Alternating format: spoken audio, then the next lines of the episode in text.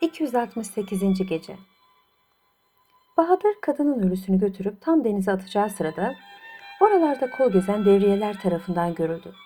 Hemen tutup kadıya götürdüler.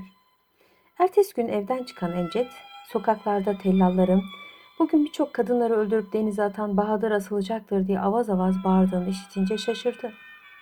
Sonra kendisine iyilik eden temiz kalpli adamı kurtarmaya karar verdi. Hemen koşarak hükümdarın sarayına gitti. Hükümdar bu cesur genci takdir etti. Kim olduğunu sordu. Emcet başlarından geçenleri bir bir anlattı. Hükümdar ikisini de affetti. Emcet'i de doğruluğunun mükafatı olarak kendisine vezir seçti ve kardeşini bulmak için her tarafa emirler vereceğini vaat etti. Bahadır'a da sarayda yüksek bir vazife verdi. Yine sabah oluyordu. Şehrazat burada masalını ara verdi ertesi akşamda bıraktığı yerden şöylece anlatmaya koyuldu. 269. Gece Esat, mahzende bir seneye yakın ıstıraplı bir hayat geçirdi. Nihayet bir gün ihtiyar mecusi yanına gelerek onu yukarıya çıkardı. Kendisine bir elbise giydirdi ve hadi hazırlan dedi. Gemiye binip Ateş Dağı'na gideceğiz. Oradaki tapınağımızın ziyaret günü yaklaştı. Esat oraya götürülüp kurban edileceğini anlamakta güçlük çekmedi. Başına gelene boyun eğmekten başka çare bulamadı. Adı Behram olan ihtiyar, Esad'a hazırladığı bir sandığa koyarak kalkacak olan gemiye götürdü. Gemi o akşam yelkenlerini açarak yola koyuldu. Günlerce süren yorucu bir seyahatten sonra tam Ateş Dağı'na yaklaştıkları sırada hava birdenbire değişti. Bodoslamadan şiddetli esen bir rüzgar geminin yolunu değiştirdi. Kaptan pusulasını şaşırdı. Öyle ki ertesi gün deniz durduğu zaman büyük bir kaleye yaklaştıklarını gördüler. Bundan telaşa düşen ihtiyar kaptanın yanına koştu. Nereye geldiklerini sordu. Kaptan da Kraliçe Mercane Kalesi'ne geldiklerini söyledi. Sonra da bu kaleye yanaşan her gemiyi kraliçenin ziyaret etmesi adettir. Bize bu gemide ne yükünüz var diye sorarlarsa ne cevap verelim dedi. Behram, kaptanı Esad'ın bulunduğu sandığı göstererek bunun içindeki delikanlıyı çıkartır, ona gösteririz ve bu geminin bir esiri gemisi olduğunu söyleriz dedi. Gemi kıyıya yanaşınca kraliçe adeti üzere kayığına binerek adamlarıyla beraber gemiye çıktı. Kaptana ne mal getirdiğini sordu. Kaptan da Behram'ı göstererek cevap verdi. Gemimi esir ticareti yapan bu adama kiraladım. Mal filan yüklediğim yoktur. Sabah oluyordu. Şehrazat burada masalını ara vermek zorunda kaldı. Ertesi akşamda hükümdar Şehriyar'ın ricası üzerine tekrar şöylece anlatmaya koyuldu.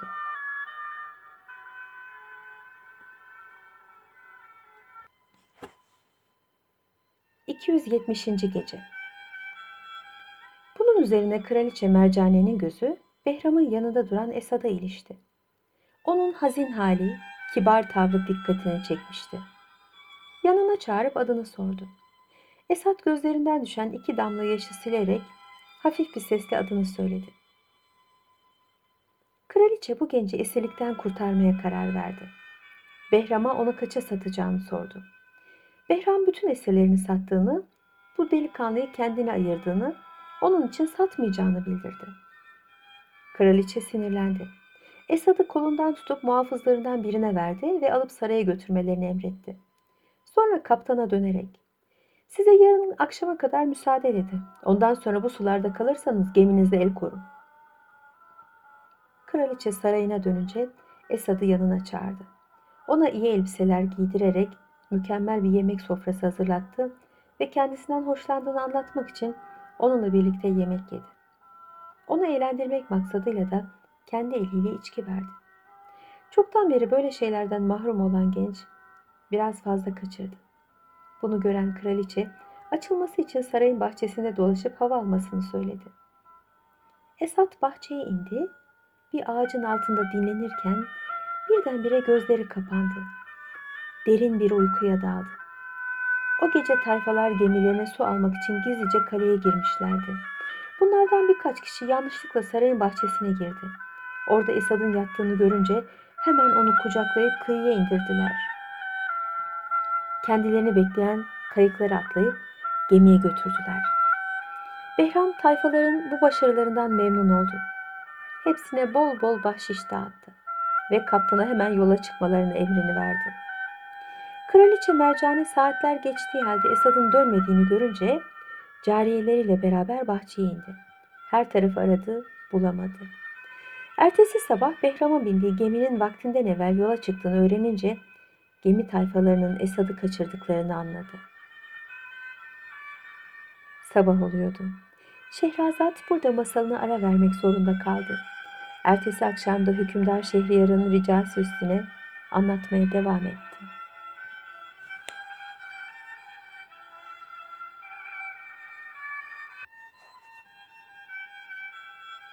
...271. Gece Esad'ın kaçırılışı kraliçenin canını sıktı.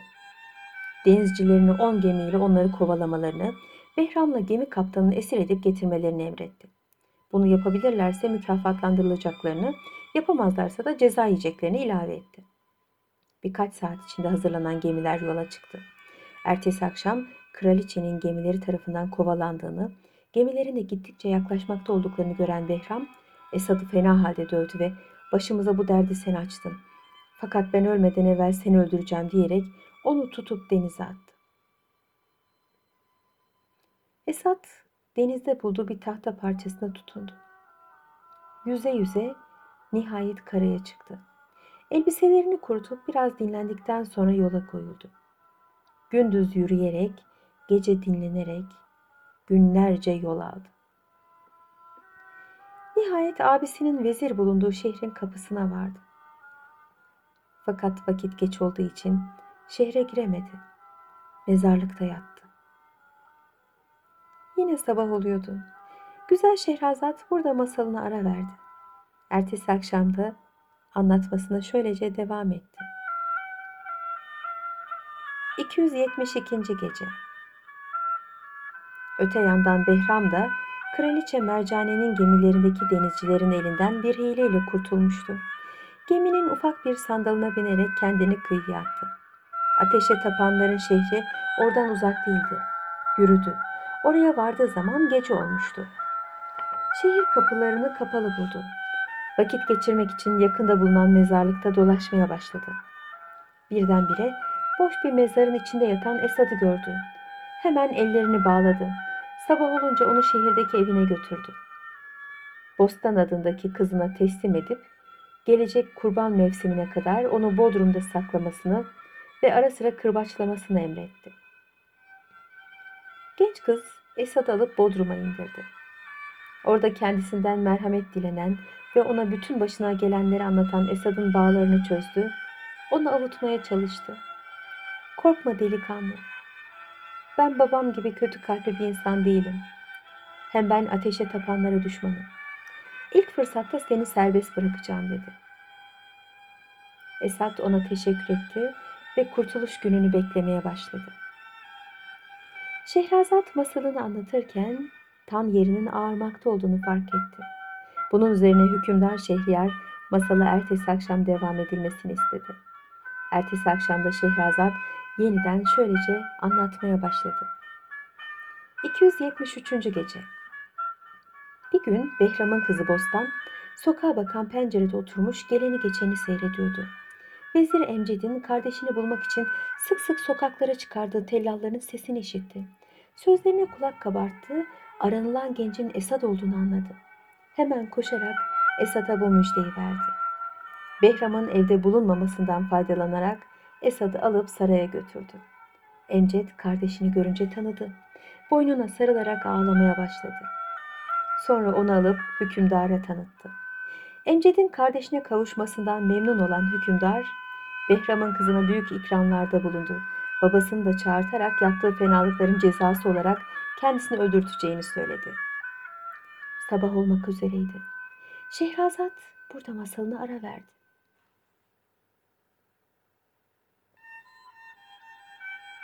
Ertesi akşamda anlatmaya devam etti. 274. Gece Behram biraz düşündükten sonra hükümdardan ve Esat'tan af diledi. Bundan sonra iyi bir insan olacağını ve iyi niyetini ispat etmek için her iki kardeşi ana yurtlarına götüreceğini söyledi. Emcet de Esat buna razı oldular. Hükümdar da Behram'ı affetti. Bunun üzerine Behram hepsine teşekkür etti ve onlara şu hikayeyi anlatmaya başladı. Nama ile Nimet Vaktiyle Küfe şehrinde Hatemoğlu Rebi adında bir asilzade vardı. Zengin ve varlıklı bir adamdı. Bir gün esir pazarında dolaşırken bir tellalın kucağında ufak bir kız çocuğu bulunan bir genç cariyeyi satmaya uğraştığını gördü. Yanına yaklaşıp fiyatını sordu.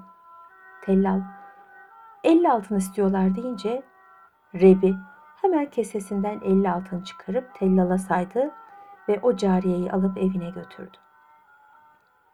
Karısı bunu niye satın aldığını sordu. Rebi cariyenin kucağındaki kız çocuğu göstererek cevap verdi. Şu yavrucağın güzelliğine bak. Bu kız büyüyünce küfe şehrinin en güzel kızı olacaktır. Bunun üzerine kadın cariyeye dönüp sordu. Adın ne? Cariye güler yüzle cevap verdi. Benim adım Tevfik'tir. Kızımın adı da Saat. Kadın bu cevabı alınca kocasına seslendi. Bunların isimlerini değiştirmek lazım. Ne koyalım acaba? Rebi bu işi kendisine bıraktığını söyledi. Kadın biraz düşündükten sonra cariyenin adını değiştirmeyelim. Yalnız yavrusunun adını Nama koyalım dedi. Sabah oluyordu. Şehrazat burada masalına ara verdi. Ertesi akşam da bıraktığı yerden şöylece anlatmaya koyuldu. 275. Gece O günden sonra küçük Nama, Rebi'nin daha bir yaşını tamamlamış olan oğlu Nimet'le beraber büyümeye başladı. Çocuklar kendilerini bilince birbirlerine kardeşim demeye başladılar. Bir gün babası delikanlılık çağına giren Nimet'in yanına geldi. Oğlum dedi, sen bir daha Nama'ya kardeşim deme. Çünkü o senin kardeşin değildir. Daha sen mini miniyken onu satın aldık biz ve seninle beraber büyüttük. Bunun üzerine Nimet başını eğerek babacım dedi. Madem ki bu kız kardeşim değildir o halde beni onunla evlendirin. Rebi oğlunun bu isteğini yerine getirdi.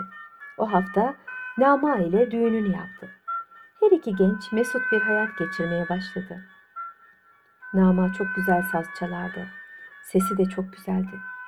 Şöhreti yavaş yavaş mahallelerin hududunu aşarak o zamanlar Irak vadisi, valisi bulunan Haccacı Zalim'in kulağına kadar gitti. Haccacı Zalim güzel cariyeleri toplayıp Şam'da bulunan Halife Abdülmelik İbni Mervan'a gönderirdi. Nama'nın şöhretini duyunca ona da göz koydu. Güzel kadını sarayında kaçırtmaya ve bir zaman onunla yaşadıktan sonra da halifeye yollamaya karar verdi. Sabah oluyordu. Şehrazat burada masalına ara vermek zorunda kaldı.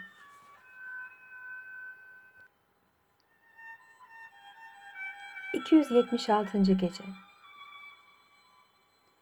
işlerde ustalı olan ve şeytanı hilelere başvuran Hatta hatta şeytanı bile kafese koymaya gücü yeten bir cadı karıya isteğini açtı. Ve Nama'yı kendisine getirirse onu ihya edeceğini söyledi. Cadı karı bu işi yapacağına söz vererek evine gitti. Sofu bir kadın kılığına girip Nama'nın kapısını çaldı. Genç kadın kapıyı aralayarak ne istediğini sordu. Cadı karı kalın tesbihini çekerek Öyle vakti geçiyor. Müsaade ederseniz namazımı sizde kılayım dedi. Nama ilk görüşte hoşlanmadı bu kadını evine almak istemedi. Fakat kocası işe karışıp kadına buyur edince sesini çıkarmadı. Misafir odasına bir seccade yayarak kadına saygı göstermekte kusur etmedi. Cadı karı namazını bitirdikten sonra başucunda duran Nama'ya dikkatli dikkatli baktı. Allah gençliğini ve güzelliğini bağışlasın. Allah senden razı olsun diyerek gitmeye davrandı. Yavaş yavaş bu ihtiyar kadını ısınan Nama onu yemeğe alıkoymak istedi. Cadı kadın oruçlu olduğunu söyleyerek müsaade istedi ve kendisinden memnun olduğunu ara sıra ziyarete geleceğini söyleyip dışarı çıktı. Doğru haccacın sarayına gitti. Ona oğlum dedi bahsettiğin tazeyi gördüm. Dedikleri gibi dünya güzeli bir kadın. Yalnız onu yola getirmek için bana en aşağı bir ay mühlet vermelisin. Sabah oluyordu. Şehrazat burada masalını ara verdi. Ertesi akşamda bıraktığı yerden şöylece anlatmaya koyuldu. 277. Gece Haccacı zalim bunu kabul ederek cadı karıya bir kese altın verdi. Cadı karı o günden sonra Nama'nın evine sık sık uğramaya ve onun güvenini kazanmaya başladı. Bir gün onu yalnız bulunca, kızım dedi, şehrimizde ziyaret edilecek birçok evliya vardır. Bütün senin gibi kadınlar, kutlu adamların türbelerini ziyaret edip sevap kazanıyorlar. Ben seni evliyalara götürmek istiyorum. Gelir misin? Genç kadın kaynanasından izin alabilirse böyle yerlere gitmeye daima hazır olduğunu söyledi. Cadı karı ertesi gün tekrar geldi. Nama'nın kaynanasını evde buldu. Kardeşim dedi, gelininiz yatırları ziyaret etmek istiyor. Her ne kadar işim varsa da bu sevaplı iş için onunla gitmeye söz verdim. Yalnız sizin izninizi bekliyoruz. Kadın böyle hayırlı bir işe karşı gelmedi. Gelinine izin verdi. Cadı karı giyinip hazırlanan Nama'yı alıp arka sokaklardan Haccacı zalimin sarayının arka kapısına götürdü ve burada büyük bir ermiş yatıyor diyerek onu sarayın kubbeli ve boş hücrelerinden birine soktu. Üzerine kapıyı kapayıp Haccacı zalime haber vermeye gitti. Çok geçmeden Nama'nın bulunduğu odanın kapısı açıldı. Haccacı zalim birdenbire içeriye girdi. Bir zaman genç kadının güzelliğine hayran hayran baktı. Sonra onu kucaklayıp oradan çıkardı. Harem dairesine götürdü. Sabah oluyordu. Şehrazat burada masalını ara vermek zorunda kaldı. Ertesi akşam da masala şöylece devam edildi.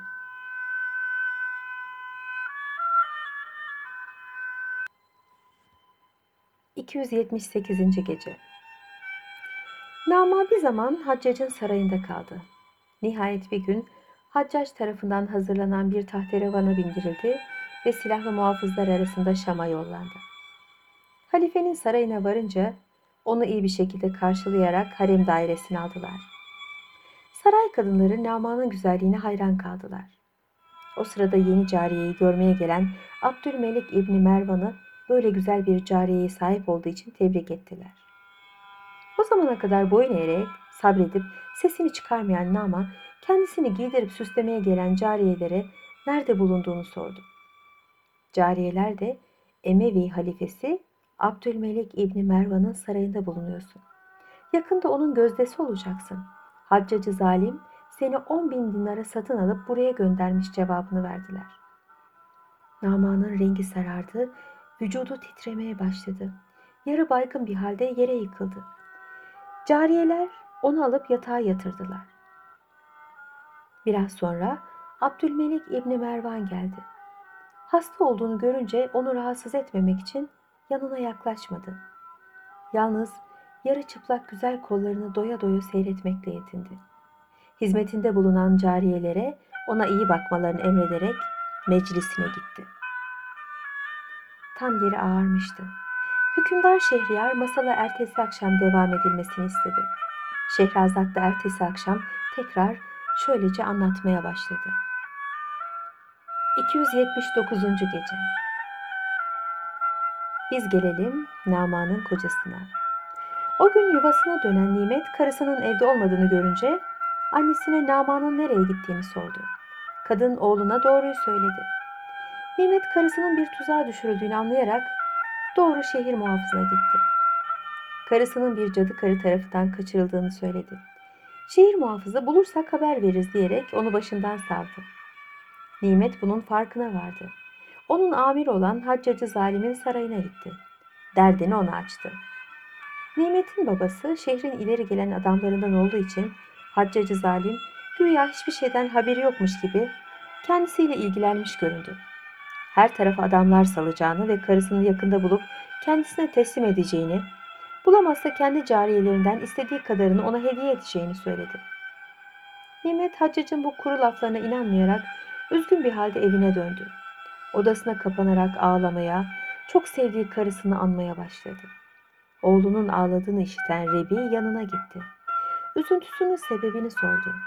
Nimet de gelininin başına gelenlerden haberi olmayan babasına her şeyi anlattı. Rebi başını esefle sallayarak aldanmıyorsun. Haccacı zalim birçok kızlara ve genç kadınlara yaptığı gibi Nama'yı da bir hileyle evinden kaçırmış ve yaranmak için halifeye göndermiştir dedi. Fakat ne yapalım? Elimizde bir delil olmadığı için bir şey söyleyemeyiz. Sabah oluyordu. Şehrazat burada masalına ara verdi. Ertesi akşamda yeniden şöylece anlatmaya başladı.